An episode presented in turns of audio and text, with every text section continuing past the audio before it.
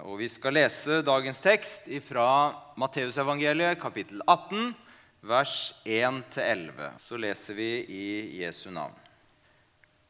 Nettopp da kom disiplene og spurte Jesus. Hvem er den største i himmelriket? Da kalte han til seg et lite barn, stilte det midt iblant dem og sa:" Sannelig, jeg sier dere, uten at dere vender om og blir som barn, kommer dere ikke inn i himmelriket. Den som gjør seg selv liten, som dette barnet, han er den største i himmelriket. Og den som tar imot et slikt lite barn i mitt navn, tar imot meg. Men den som lokker til fall, en av disse små som tror på meg, han var bedre tjent med å få en kvernstein hengt om halsen og bli senket i havets dyp. Ved denne verden som lokker til fall. Forfølelsene må komme, men ved det mennesket som de kommer fra. Om hånden eller foten din lokker deg til fall, så hugg den av og kast den fra deg.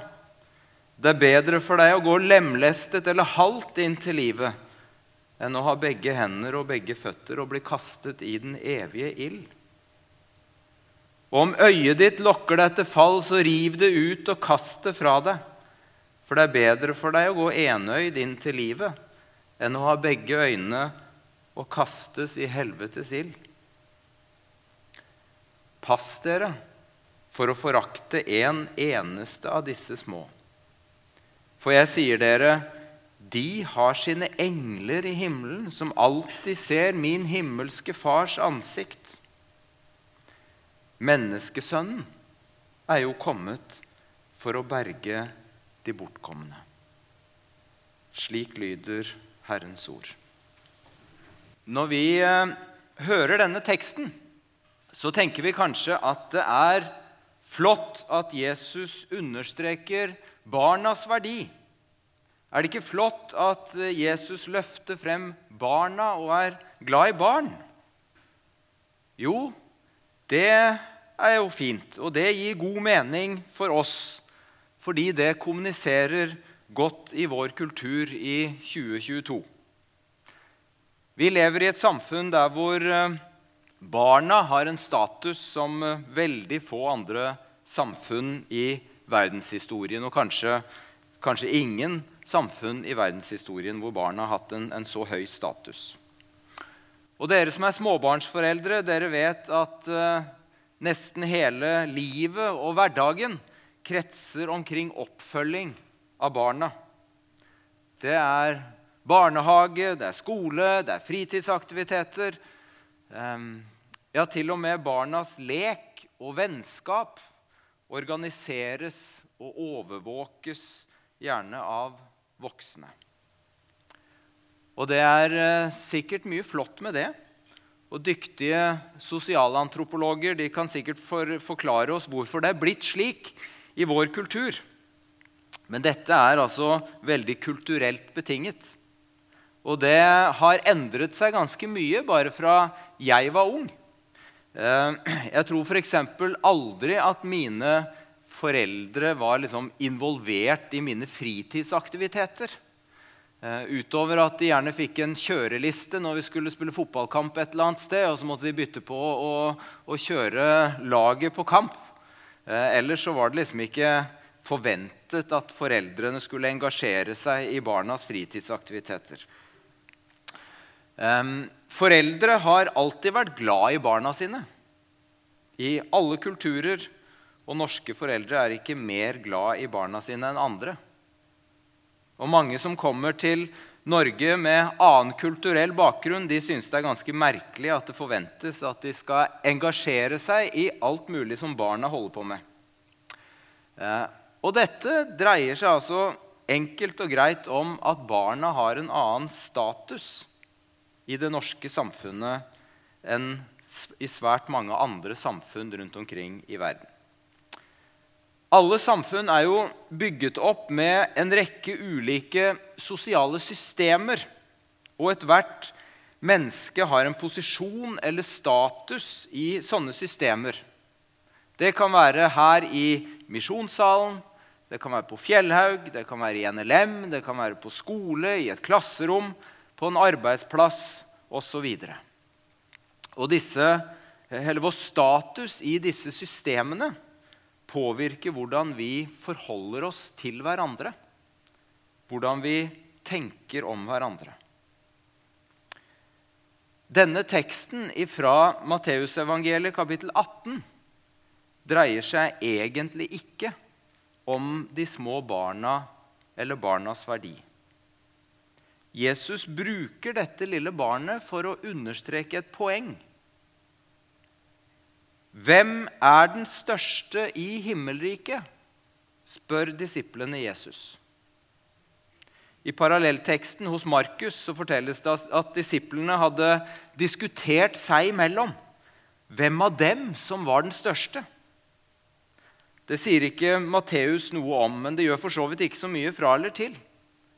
For hele poenget her var at barna ikke hadde noen status å snakke om i det jødiske samfunn. Barna var sårbare og avhengige. Og når Jesus kaller til seg et lite barn, så vil han fortelle oss at i Guds familie så eksisterer det en annerledes kultur. I våre norske sosiale systemer så kan status f.eks. vurderes etter lønn, etter stilling, utdannelse, autoritet, kunnskap, om du er produktiv. I samfunn hvor jeg har levd, i, i Sør-Etiopia, så kan status vurderes f.eks. etter alder. Eh, noe hvis, hvis, man sitter i, et, sitter i, en hytte eller et hus i, i, i Sør-Etiopia, og det kommer inn en ny person så skjer det alltid noe gøy. For da liksom begynner folk å flytte rundt og bytte stoler. Og det er altså fordi at den eldste den skal ha den største og beste stolen. Så når det kommer inn en, så, en ny, så sitter man liksom og regner. ja, Hvem er eldst her nå? Hva betyr det? Ja, Da må vi flytte, bytte stoler, og så flytter man rundt på stolene. Eh, og Det dreier seg altså om at eh, de eldste har en særlig status. Jeg har vært med på begravelser for mennesker som ble særlig gamle. Og det brukes enormt med ressurser på å markere at denne personen har gått bort. Og så har jeg vært med i barnebegravelser der vi har vært tre stykker, foruten de to foreldrene som sitter i bilen alene og gråter. Og vi senker en liten barnekropp ned i det mørke hullet og lukker igjen. Barnet har ikke den samme status. Eh, og Det er jo kanskje også naturlig i et samfunn med høy spedbarnsdødelighet, og der hvor veldig mange mister små barn. Men eh, alder kan altså gi status. Antall barn kan gi status. Antall koner, og ikke minst antall kyr eller venner. Alt slikt kan gi innflytelse og posisjon og ikke minst hvilken stamme eller klan man tilhører. Så hva som kan gi status, det varierer altså fra én kultur til en annen, eller fra et sosialt system til et annet. Og så kan dere jo tenke gjennom hva som definerer posisjon og liksom høyere status i dette fellesskapet vårt her i misjonssalen. Samtidig kjenner vi kanskje alle på behovet for å være viktige. Å bli sett og hørt og bli lytta til. I mitt liv er alle andre statister. Men Jesus vil altså si, eh, si oss at i Guds rike skal det være radikalt annerledes. Sann storhet, ekte storhet, finnes i selvoppgivelse sier Jesus. Den som gjør seg selv liten, er den største. Ja, Jesus bruker faktisk samme formuleringer som Paulus bruker i de flotte versene som vi kaller Kristushymnen i Filippebrevet kapittel 2. Der hvor det står om han som ikke så det som et røvet bytte å være Gud lik, men som villig ga avkall. Og Der står det i vers 8 at han fornedret seg selv. Han gjorde seg selv liten, står det. Og ble lydig til døden, ja, døden på korset. Når Jesus trekker frem det lille barnet, så dreier det seg altså ikke bare om å opphøye de uten status.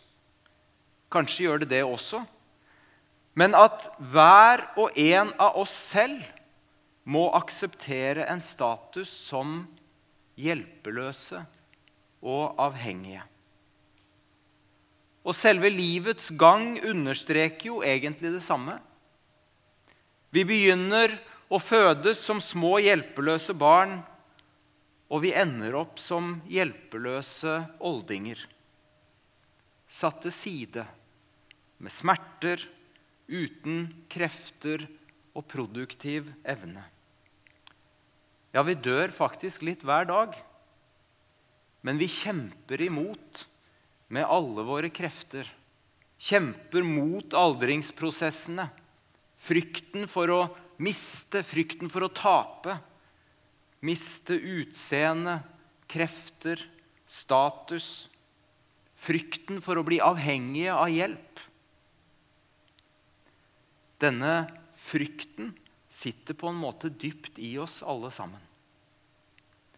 Vi har denne skatten i et leirkar, sier Paulus. Leirkaret det var det billigste og, og vanligste ting som du fant i ethvert hushold i antikken. Leirkaret sprakk og gikk i stykker og ble kasta og erstattet. I alle ruinbyer som graves frem fra antikken, så er det en enorm mengde med potteskår. Det var det mest vanlige, det mest på en måte selvfølgelige, med minst verdi. Det finnes overalt. Jeg husker Sverre Bø en gang sammenlignet leirkaret med vår tids plastpose. Vi har denne skatten i en bærepose fra Rema. Og det var før bæreposene ble så dyre altså, som de er nå. Skatten, frelsesgaven, troen, nåden, ånden det mest verdifulle som noe menneske kan få tak i her på jorda. Den skatten har vi i de mest skrøpelige beholderne. Våre skrøpelige kropper, som på så mange ulike vis er preget av synd. Som bærer sprekker og skår, som er preget av rynker og arr fra de sårene som livet gir oss. Men i Guds rike så defineres altså status annerledes enn i vår verden. Det er ikke styrke, mot, kunnskap, utseende eller penger som gir oss status.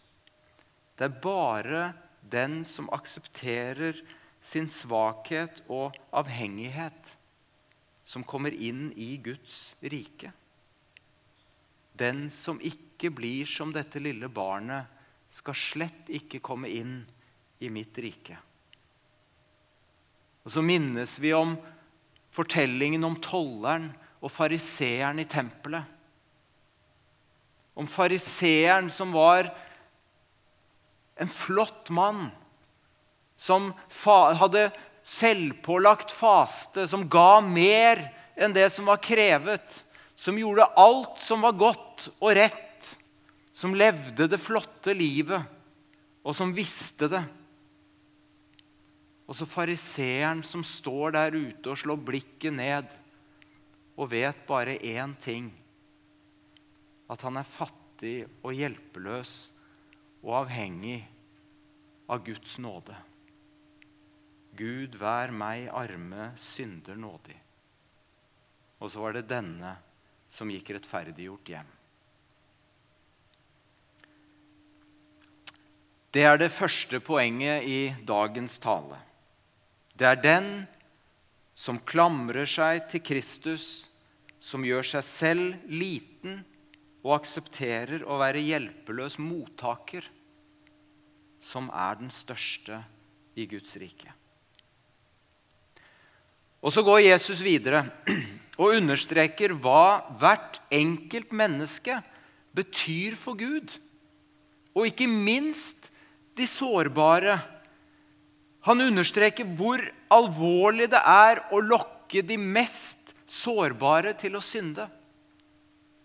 Ja, I vers 10 så sier han at ingen av disse mest sårbare skal foraktes, og at de har sine engler i himmelen som alltid ser Guds ansikt. Dette er en av de få antydningene i Bibelen om personlige engler. Og at englene på et vis representerer oss, taler vår sak fremfor Gud. Nå skal vi ikke lage altfor mye teologi ut av dette. Men i jødisk tradisjon så uh, tenkte man seg et englehierarki. Og det var bare de englene som hadde høyest status, de liksom øverste englene i dette hierarkiet, som hadde det privilegiet å være i Guds nærhet. Å være fremfor Gud. Noen få utvalgte blant englene. Men Jesus han sier at hvert enkelt menneske, også de mest sårbare, de har en slik verdi for Gud at vi alltid er representert fremfor hans trone. At han aldri glemmer vår sak. At Guds omsorg for hver enkelt av oss er grenseløs. Dette menneskesynet det er så grunnleggende radikalt at du ikke vil finne et sånt menneskesyn i noen annen religion. Og nettopp fordi hvert enkelt menneske har en slik status hos Gud, ja, har en slik verdi for Gud, så bryter Jesus ut i, i vedrop over denne verden. Ved denne verden som lokker til synd, som lokker til fall, sier han ved denne verden som lokker oss til å synde. Ved det er liksom sorg, smerte, ja, vrede over alt som frister og lokker oss til å falle i synd. Og Jesus han bruker de mest radikale bildene for å understreke alvoret. Det er bedre for deg om du blir senket i havets dyp med en svær møllestein, sånn som, sånn som eslene gikk og dro rundt for å kverne, kverne korn. Det var bedre å bli senket i havet med en møllestein om halsen. Det er bedre å rive ut øyne og kutte av hender og føtter enn å bli lokket til å synde. Det betyr selvsagt ikke at Jesus oppfordrer oss til å rive ut øynene våre. Men han forteller oss at synden har en enorm makt. De onde kreftene i verden vil ødelegge oss og vil ødelegge våre liv. Og det er ingenting som er viktigere enn å klamre oss fast til frelsen. Synd er et upopulært begrep i Norge i dag. Tale om synd, det gir skyldfølelse og dårlig selvbilde, er det mange som sier. Ja, noen vil si at selve synsbegrepet er undertrykkende og nærmest psykologisk farlig for mennesker. Men Bibelens tale om synd er faktisk fantastisk frigjørende. For synsbegrepet forklarer hvorfor vi ikke strekker til. Synsbegrepet forklarer hvorfor vi alle kjemper med det onde i oss, og at vi aldri egentlig blir kvalitativt annerledes eller bedre. Synsbegrepet forklarer hvorfor vi lever i en verden med krig, med nød og med overgrep. Synsbegrepet hjelper oss til å forstå oss selv og vår verden på en realistisk måte. Vi trenger ikke leve på livsløgner. Vi trenger ikke tro på det ubegrensede gode i mennesket. Vi trenger ikke stadig bli sjokkert over hva mennesker er i stand til å gjøre av ondskap. Det er ikke sjokkerende at verden stadig bringer frem nye despoter. Det sjokkerende med synsbegrepet er at Gud, til tross for synden, elsker oss over alt annet. At Gud, til tross for synden, vil ta bolig i hjertene våre. Hva er det du har gjort? lød Guds fortvilte rop til Adam når synden ble brakt inn i verden. Hva er det du har gjort? Gud visste at synden ødelegger oss. Gud visste at synden ødelegger vårt forhold til våre medmennesker, og synden ødelegger vårt forhold til Gud. Gud visste at syndens lønn er døden ja, til og med døden for Gud selv. Og Derfor roper Jesus sine vedrop over vår syndige verden. Derfor bruker Jesus det mest radikale språk og bilder for å oppfordre oss til å kjempe mot synden. For synden ødelegger våre liv så er det selvsagt ikke et uttrykk for at Jesus har en naiv tro på at vi mennesker skal bli syndfrie. Jesus vet at vi er syndere, og han blir ikke sjokkert over noe av det vi måtte finne på å gjøre. Det var jo nettopp derfor han kom. Og I fortellingene som følger våre vers, så er det nettopp Guds grenseløse tilgivelse som er tema. Men Jesus, Jesu advarsel understreker på sterkeste vis at livet har to utganger, og at synden faktisk kan føre oss bort fra Gud. Og så er det ikke opp til oss å spekulere så mye i hva de to utgangene på livet faktisk innebærer. Bibelen velger å bruke ulike bilder på fortapelsen. I vår tekst så bruker Jesus ilden som bilde. I andre tekster så brukes f.eks. mørke eller smerte som bilder. Det nærmeste vi kommer en beskrivelse av fortapelsen, er kanskje det som står i Lukas kapittel 13, vers 27, hvor det står Bort fra meg, alle dere som gjør urett. Og bli utestengt og bli ekskludert fra gleden ved det evige fellesskapet med Gud. Himmelen beskrives jo nettopp med måltidsfellesskap. Fest og glede i fellesskap med Han som har skapt oss. Den største glede er fellesskap med Skaperen, for vi hører sammen med Gud. Det er i fellesskap med Han at vår hensikt og mening som mennesker blir virkeliggjort og oppfylt. Fortapelse innebærer smerten ved ikke å ta del i det fellesskapet. Og så gjør vi heller ingen noen nytte ved å spekulere i hvem som ikke får del i fellesskapet. Bibelen sier at Jesus er veien, sannheten og livet, og at ingen kommer til Faderen uten ved ham. Og så skal vi overlate dommen til Gud, som kjenner hvert enkelt menneske sånn som ingen andre gjør. Og så får disse tekstene stå som en advarsel til oss alle om at synden og ondskapens krefter i denne verden er reelle, og at syndens makt kan ta fra oss fellesskapet med Gud. Men også dagens tekst ender med å minne oss om at menneskesønnen har kommet nettopp med det formålet å berge oss som var bortkomne. Vi har en Gud som ønsker å frelse.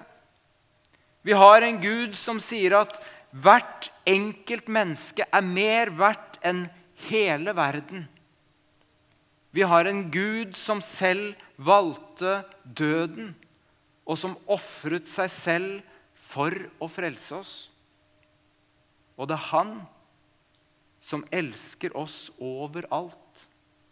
Han som elsker de vi er glad i, langt mer enn vi er i stand til å elske dem. Det er han som også skal dømme.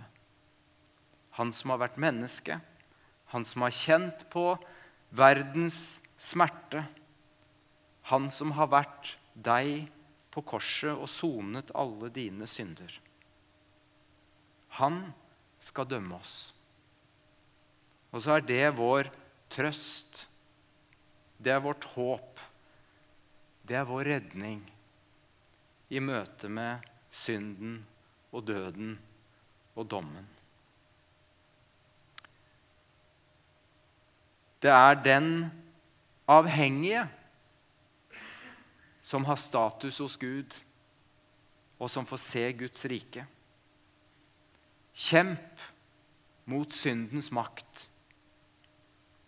Og menneskesønnen har kommet for å berge de bortkomne. Amen.